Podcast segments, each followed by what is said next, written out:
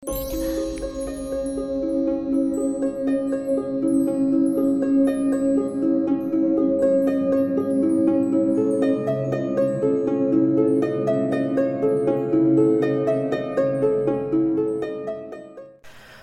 datang dan selamat malam.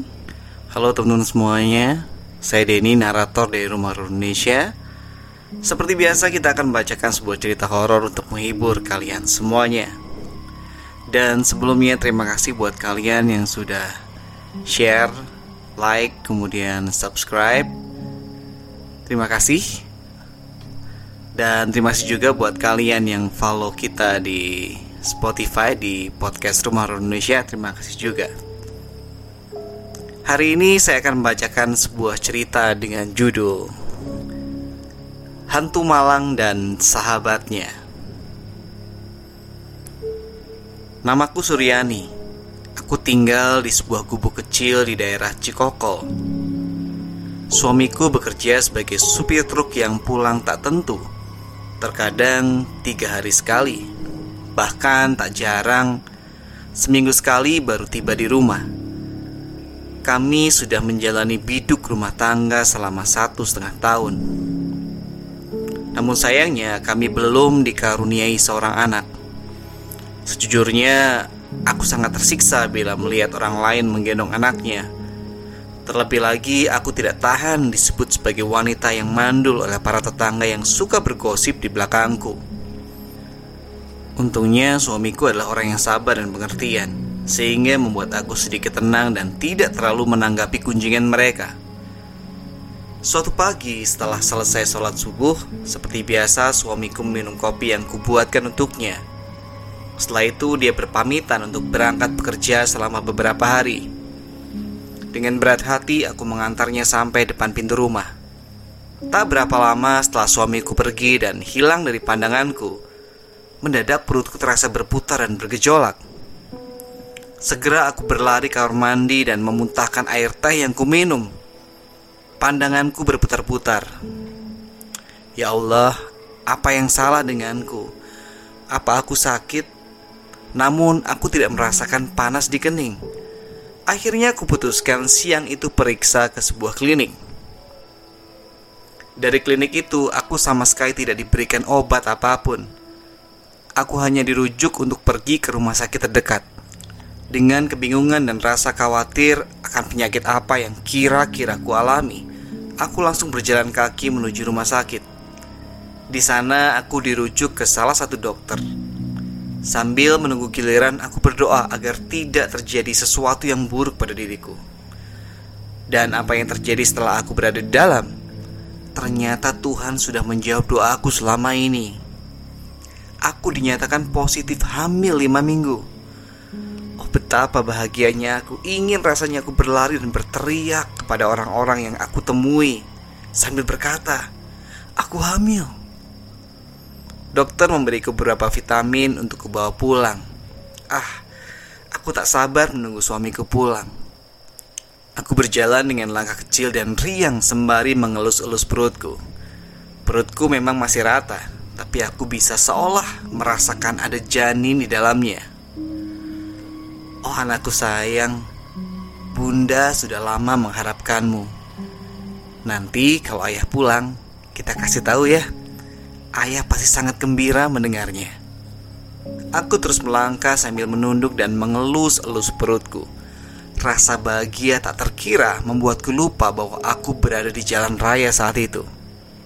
Tanpa aku sadari kakiku melangkah tak beraturan sehingga menuju ke tengah jalan Saat itu lalu lintas memang tidak terlalu padat dan ramai Sehingga mobil-mobil dapat melaju dengan kecepatan yang tinggi Dan apa yang terjadi adalah hal yang sangat aku sali hingga saat ini Tiba-tiba aku mendengar bunyi klakson yang sangat panjang Bersamaan dengan itu aku merasakan hempasan kuat di badanku Tanpa sempat aku menoleh ke arah klakson itu berbunyi Seketika itu juga pandanganku menjadi gelap gulita.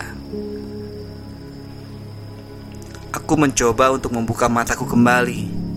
Kulihat cahaya yang sangat menyilaukan menyerang kedua bola mataku. Refleks, aku menutupnya dengan kedua tangan dan mencoba untuk membuka mataku lagi secara perlahan. Oh, ternyata aku selamat. Aku masih ada di jalan yang kulalui tadi. Aku kembali tersenyum dan memegang perutku. Kita selamat, nak. Ujarku lembut. Aku melihat ke arah tanganku yang lain. Doh, ke mana vitamin dan obat-obatanku? Pikirku kebingungan. Aku coba mencari-cari di sekitar jalan itu. Namun, kulihat ada beberapa orang sedang berkerumun tak jauh dari tempatku berdiri. Karena penasaran, aku hampiri kerumunan tadi. Ada apa ini, Pak? Tanya aku kepada bapak yang paling dekat denganku. Tapi dia seolah tidak menggubrisku. Aku bertanya berkali-kali, bahkan kepada orang lain yang juga berdiri tak jauh dariku. Namun tak satu pun dari mereka yang menggubrisku. Karena kesal, aku beranikan diri untuk menyentuh pundak salah satu dari mereka. Pak, Pak, Ya Tuhan, tanganku menembus tubuh mereka. Oh tidak, ini pasti mimpi. Ya, ini pasti mimpi buruk. Aku tercekat dan tak sanggup berkata-kata lagi. Dengan histeris aku berlari merangsek ke dalam kerumunan itu. Tentu saja aku dengan mudah masuk ke dalam kerumunan tersebut karena aku sanggup menembus tubuh mereka. Dan yang kulihat benar-benar menjadi mimpi burukku selamanya. Aku melihat tubuhku yang sedang memegang plastik obat tergolek berlumuran darah. Beberapa orang dengan pakaian dinas rumah sakit mencoba untuk memberikan pertolongan pertama, namun ternyata sia-sia. Akhirnya tubuhku diangkut ke mobil ambulans dan dilarikan ke rumah sakit terdekat. Aku berjalan mengikuti mobil ambulans tersebut. Tubuhku terasa sangat ringan, bahkan aku seolah tak berjalan ataupun berlari untuk mengejarnya. Aku hanya memikirkan saja dan tiba-tiba tubuhku seolah bergerak ringan seperti tertiup angin menuju ke mana pun aku mau. Setiba di rumah sakit itu ternyata mereka langsung masukkan tubuhku ke dalam kamar mayat. Aku berteriak sejadinya dan berusaha meyakinkan mereka bahwa aku masih hidup. Tapi tak seorang pun yang mendengarkan aku. Aku melayang tak tentu arah di satu detik aku melihat perubahan pada tempat kejadian kecelakaan itu. Mungkin waktu berputar terlalu cepat, atau justru aku yang tidak menyadarinya. Sampai suatu ketika aku melihat sosok perempuan mengendari kendaraan roda dua. Tubuh wanita ini sangat wangi, sampai-sampai aku dapat mencium wanginya dari kejauhan. Entah kenapa aku begitu tertarik kepadanya. Aku mencoba untuk menghadangnya di tengah jalan, dan aku sangat terperanjat saat tiba-tiba perempuan itu menjerit ke arahku seraya berkata, "Awas, minggir!" Lalu dia menembusku begitu saja. Akhirnya, ada seseorang yang dapat melihatku juga. Aku mengerjarnya sampai tiba di sebuah tempat makan. Hmm, nampaknya dia ada janji bertemu dengan seseorang. Aku melihat dia sedang berbicara di sana. Saat temannya pergi ke kamar kecil, aku hampiri dia perlahan-lahan. Alangkah terkejutnya aku saat perempuan ini membalikkan badannya dan langsung menatapku seraya berkata, "Ada apa mengikuti saya?" Aku tersenyum bahagia. "Saya, saya, hmm, nama saya Suryani. Boleh saya tahu nama Teteh?" Tanya aku mengawali pertemuan dengan perkenalan. "Hai Suryani, Nama saya Rachel, jawabnya. Perempuan ini menatapku tajam. Salah tingkah aku dibuatnya. Kami berdua saling bertatapan sejenak. Lalu dia mempersilahkan aku untuk duduk di kursi. Aku hanya mengangguk dan duduk terdiam. Perempuan itu masih menatapku tajam, dan aku hanya menunduk sembari sekali melihat ke arah sekitarku. Entah kenapa bibirku seolah keluh. Lalu kulihat teman dari perempuan ini yang akhirnya aku ketahui bernama Haris kembali dari kamar kecil. Lelaki itu duduk di sebelahnya dengan tatapan heran. Cel, kenapa? Kau melamun? Kamu lihat sesuatu? Tanya lelaki itu sambil menggoyangkan tangan di hadapan mata Rachel. Biasalah, ada yang ngikutin. Gak tahu maunya apa. Saut Rachel sambil menyeruput minumannya. Sudah malam, aku harus pulang sekarang. Putus Rachel sambil berdiri dan mengambil tasnya. Aku dan lelaki itu berdiri dalam kebingungan atas sikap spontan yang ditunjukkannya. Mereka berdua berjalan ke arah pintu keluar. Tunggu, teriakku tertahan. Tapi Rachel terus berjalan ke arah tempat parkir. Mereka berdua tampak bercakap-cakap sebelum akhirnya Rachel melanjutkan kendaraannya dan meninggalkanku di sana. Tidak, aku tidak mau kehilangan kesempatan ini. Baru kali ini ada orang yang tahu keberadaanku. Aku harus mengejarnya. Aku melayang menembus kendaraan yang lalu lalang di jalan itu. Dengan mudah aku temukan dia sedang berjalan di tengah jalan yang ramai. Aku segera duduk di bangku belakang kendaraannya. Kamu mau apa sampai ikutin saya seperti ini? Kalau kamu minta sesuatu, maaf aja. Saya nggak mau ngasih apa-apa.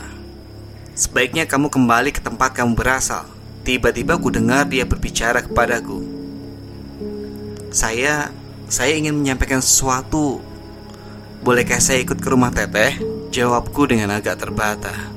Di rumah saya sudah banyak yang seperti kamu, dan mereka adalah penghuni lama di situ. Saya nggak yakin mereka dengan mudah menerima kehadiran makhluk baru. Tapi kalau kamu maksa ya silahkan. Asal jangan ribut dan jangan coba-coba merasuk ke tubuh orang-orang yang ada di sana. Jelasnya tegas. Aku terdiam dalam kebingungan apa maksud perempuan ini dengan kalimatnya barusan? Ah, biarlah. Yang penting dia sudah mengizinkan aku untuk ikut ke rumahnya. Kami memasuki sebuah perkampungan penduduk. Ada banyak, bahkan terlalu banyak rumah-rumah yang ada di sini. Tidak seperti tempat tinggalku yang masih terbilang jarang rumah penduduk. Di sini sangat padat. Aku masuk melalui gang sempit. Dan alangkah terkejutnya aku saat kulihat sosok berbalut kain putih kusam berdiri di ujung gang itu. Aku membuang pandangan ke arah lain. Namun hal yang tak kalah mengerikan kutemukan di sana. Ada sesosok anak kecil berkulit pucat yang kuperkirakan berusia di bawah dua tahun sedang berdiri di samping makam kecil. Kenapa begitu banyak makhluk menyeramkan di tempat ini? Ternyata rumah Rachel berada tepat di samping kuburan tempat anak kecil itu berdiri. Dua makhluk itu menatapku tajam, membuat aku sedikit khawatir. Aku melayang tepat di belakang tubuh Rachel. Dia membuka pintunya dan tidak. Secara tiba-tiba keluar sosok perempuan mengenakan baju panjang putih dengan muka berantakan menyerangku dari dalam rumah. Aku meraung dan berusaha melawan perempuan aneh itu. Tapi dia memiliki kekuatan jauh di atasku. Kami sempat bergulat di udara sampai akhirnya Rachel menghadik kami berdua. Gak tahu malu kalian, masih sejenis juga berantem. Saya sudah bilang dari awal kalau masih mau tinggal di sini nggak boleh ribut. Siapa tahu ada yang bisa mendengar perkelahian kalian. Kamu, katanya sambil menunjuk perempuan dengan tampang yang baru kusadari ternyata letak mata, hidung, dan mulutnya tidak berada pada tempat yang wajar. Balik ke atas loteng dan jangan pernah turun ke bawah, timpal Rachel. Perempuan pertama aneh itu menggeram seolah tak rela dengan perintah dari sang empunya rumah. Namun akhirnya dia melayang ke atas dan menghilang dari balik loteng. Rachel menatapku tajam, seolah menyalahkanku atas peristiwa yang baru saja terjadi. Tentu saja, memang siapa sih yang bersedia diganggu malam-malam begini? Aku hanya tersenyum kecut membalasnya. Rachel menghela nafas panjang, nafas yang dulu pernah aku punya. Aku bahkan sudah lupa bagaimana rasanya bernapas. Dia mempersilahkan aku duduk di hadapannya, Kepadanya lah aku menceritakan dari awal hingga bagaimana aku mengalami kecelakaan maut itu. Lalu maksud kamu mengikuti saya sampai ke rumah itu apa? Tanyanya dengan suara datar. Saya saya ingin teteh untuk menyampaikan pesan kepada suami saya bahwa saya sangat mencintainya dan bahwa saya sedang mengandung buah hati kita, kataku lirih. Aduh, erangnya sambil memegang kening. Maaf ya, bukannya saya tidak mau bantu. Tapi coba deh, Teteh mengerti posisi saya. Pertama, saya tidak kenal suami Teteh. Kedua, belum tentu suami Teteh langsung percaya begitu saja atas apa yang saya sampaikan. Ketiga, apa Teteh malah nggak kasihan kalau tahu bahwa suami Teteh kepikiran istri yang dicintainya menderita seperti ini, bahkan hingga mati pun masih menderita. Dan masih banyak kemungkinan lain yang bisa terjadi. Saya mengerti kesedihan Teteh. Tapi sekali lagi, Maaf, saya tidak bisa membantu jelasnya kepadaku. Aku sangat kecewa mendengarnya, tapi aku menyadari bahwa apa yang diucapkannya itu benar. Aku memang bodoh. Dan karena kebodohanku, aku menjadi seperti saat ini. Menjadi arwah yang merana. Aku kehilangan suami dan anakku sekaligus aku kehilangan nyawaku sendiri. Aku menangis dalam penyesalanku. Baiklah teh, kalau teteh nggak bisa bantu, saya lebih baik pergi saja, ujarku terbata. Perempuan yang menatapku dengan iba ini tersenyum lembut dan berkata, Berkunjunglah kalau teteh kesepian. Saya tidak keberatan asal tidak mengganggu. Aku terhibur mendengarnya. Aku melayang meninggalkan rumah itu. Rumah yang sesekali kukunjungi hingga saat ini. Terkadang aku hanya melihat perempuan itu dari kejauhan tapi tak jarang aku dipersilahkan masuk ke dalam kamarnya. Aku cukup bersyukur berkenalan dengan manusia yang bisa menerima kehadiranku tanpa merasa takut atau terganggu. Oke teman-teman, itu cerita horor kita untuk malam hari ini. Ternyata sosok Terry di galau ya dan dia tidak ingin mengganggu siapa pun. Dia cuma pengen teman untuk diajak ngobrol.